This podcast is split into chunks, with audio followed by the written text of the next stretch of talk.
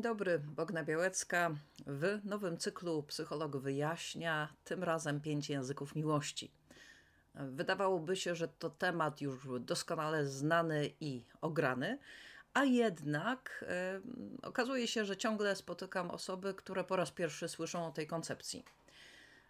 Mówiąc szczerze, na ile jest ona oparta na badaniach naukowych, nie za bardzo. Bardziej na obserwacji, którą dokonywał Gary Chapman przez bardzo wiele lat współpracy z małżeństwami w kryzysie.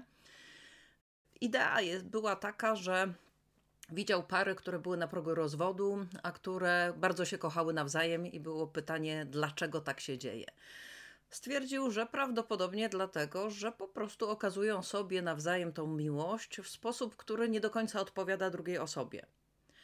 I jak zaczął analizować bardzo, bardzo dokładnie te sposoby okazywania miłości, to mu wyszło właśnie pięć języków miłości, które po kolei omówię. Y, pierwszy język słowa miłości, drugi dotyk, trzeci dary, czwarty prezenty i piąty służba gestem miłości. Serdecznie zapraszam. Mam nadzieję, że uda mi się powiedzieć coś nietuzinkowego i coś, co będzie przydatne nie tylko dla par małżeńskich, czy w ogóle dla par narzeczeńskich czy innych, ale także dla mm, każdego z nas, ponieważ te pięć języków miłości dobrze sprawdza się w każdej znaczącej relacji. To znaczy także w relacji przyjaźni, czy w relacji koleżeńskiej nawet.